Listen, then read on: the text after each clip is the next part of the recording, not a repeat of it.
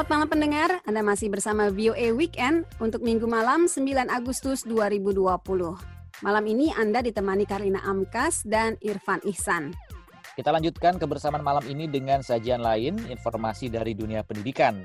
Dr. Benjamin Akande datang ke Amerika pada tahun 1979 untuk menempuh studi jenjang sarjana jurusan bisnis di Wayland Baptist University, Plainview, Texas.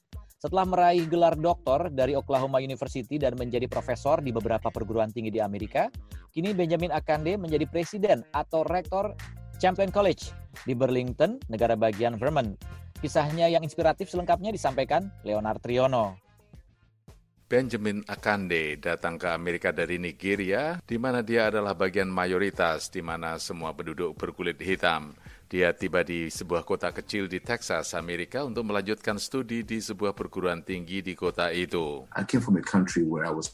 Saya berasal dari negara di mana saya menjadi bagian dari mayoritas, di mana kami semua, mayoritas dari kami berkulit hitam, dan saya datang ke tempat di mana saya menjadi minoritas, secara harfiah dalam sekejap. Benjamin Akande datang ke Amerika untuk melanjutkan kuliah program sarjana di sebuah universitas swasta kecil, Wayland Baptist University, WBU, di kota Plainview, Texas. Universitas itu didirikan pada tahun 1908 dan kini memiliki sekitar 5.000 mahasiswa. Benjamin Akande menerima gelar sarjana untuk jurusan bisnis. Selama kuliah di kota Plainview, Texas, dia mendapat kesempatan membaur dalam masyarakat. Benjamin Akande melakukan kebiasaan itu karena dorongan dari ayahnya. My parents um, Samuel and Comfort Akande. Orang tua saya, Samuel dan Comfort Akande, pernah belajar di Amerika Serikat pada akhir tahun 50-an dan terpikat dengan pendidikan Amerika. Dia mengatakan kedua orang tuanya tinggal beberapa tahun pertama di Texas, di mana ketika itu pada akhir 1950-an adalah masa yang sangat sulit bagi orang kulit hitam di Amerika. Ketika itu, perjuangan persamaan hak atau era hak-hak sipil sedang berlangsung. Namun, terlepas dari itu semua, ayah Benjamin merasa yakin bahwa Amerika sedang dalam masa transisi. Ayah memastikan agar kami mengerti bahwa Amerika adalah apa yang kita bentuk dan bahwa kita harus terlibat secara aktif. Kita harus mengulurkan tangan ke orang lain. Kita harus mengenal orang, harus bertemu orang. Kita harus menerima pendapat orang lain dan kemudian, seiring dengan berjalannya waktu, saya bahkan menguasai beberapa istilah dalam bahasa gaul khas. Secara bertahap, terus berusaha mengasimilasikan diri ke dalam komunitas tanpa mengubah atau mempengaruhi nilai-nilai yang saya anut, atau mencoba melupakan dari mana saya berasal. Semua itu memungkinkan saya menjadi diri saya sendiri dan pada saat yang sama berada di tengah-tengah masyarakat yang sangat berbeda. Ketika belajar di Texas, Benjamin Akande juga memperhatikan budaya dan kebiasaan warga setempat yang sangat berbeda dari negara asalnya. Dia melihat bahwa orang di Texas mengenakan celana jean yang sangat ketat.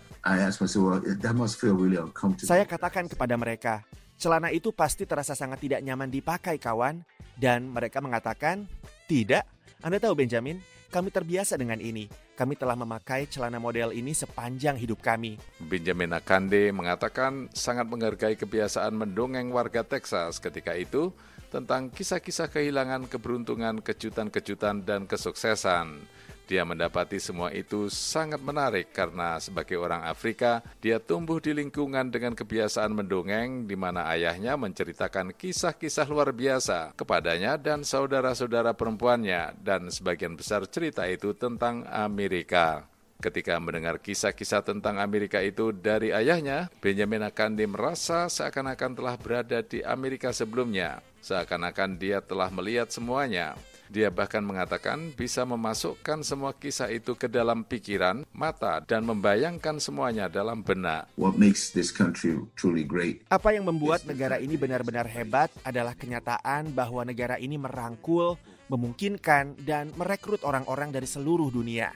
Jika kita berbicara tentang membawa cita-cita pendatang, membawa nilai-nilai pendatang, serta memberikan yang terbaik dan orang-orang yang paling cerdas, Amerika adalah negara yang telah menjadi lahan subur untuk itu semua. Benjamin Akande mengatakan hasil dari semua itu adalah transformasi, kreativitas, dan inovasi yang telah kita saksikan selama bertahun-tahun. Jika kita melihat aspek itu, katanya, kemudian kita lihat orang-orang seperti saya dan orang lain yang menjadi presiden dari begitu banyak lembaga pendidikan di Amerika sekarang yang dulu datang ke negara ini sebagai mahasiswa, maka itu merupakan sumbangan yang besar untuk Amerika. America made us stronger, better. Amerika membuat kita lebih kuat, lebih baik, lebih banyak berkontribusi dan kemudian kita membalasnya dengan pengabdian dengan pelayanan yang dalam kapasitas saya saat ini sebagai Presiden Champlain College di Burlington, Vermont. Didirikan pada tahun 1878, Champlain College menawarkan program sarjana dan program gelar master dalam lebih dari 80 bidang studi.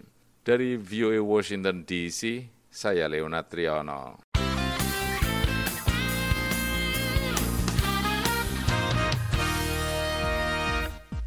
Pendengar sampai di sini sajian VOA Weekend untuk Minggu 9 Agustus 2020. Atas nama seluruh kerabat kerja yang bertugas, saya Irfan Ihsan. Dan saya Karlina Amkas, kami mengucapkan terima kasih atas kebersamaan Anda. Selamat malam, selamat beristirahat untuk bersiap kembali bangun dan memulai hari yang produktif esok dan menghadapi pekan yang baru. Ya, jangan lupa menyimak berbagai sajian lain VOA pada situs voaindonesia.com atau menyimak siaran pagi VOA, VOA This Morning, Senin pagi mulai pukul 5 waktu Indonesia bagian Barat. Komentar, saran, dan pertanyaan mengenai program ini bisa Anda sampaikan melalui email ke voaindonesia at voanews.com. Sampai jumpa pekan depan, nantikan selalu VOA Weekend. Bye! Bye-bye! Voice of America, VOA.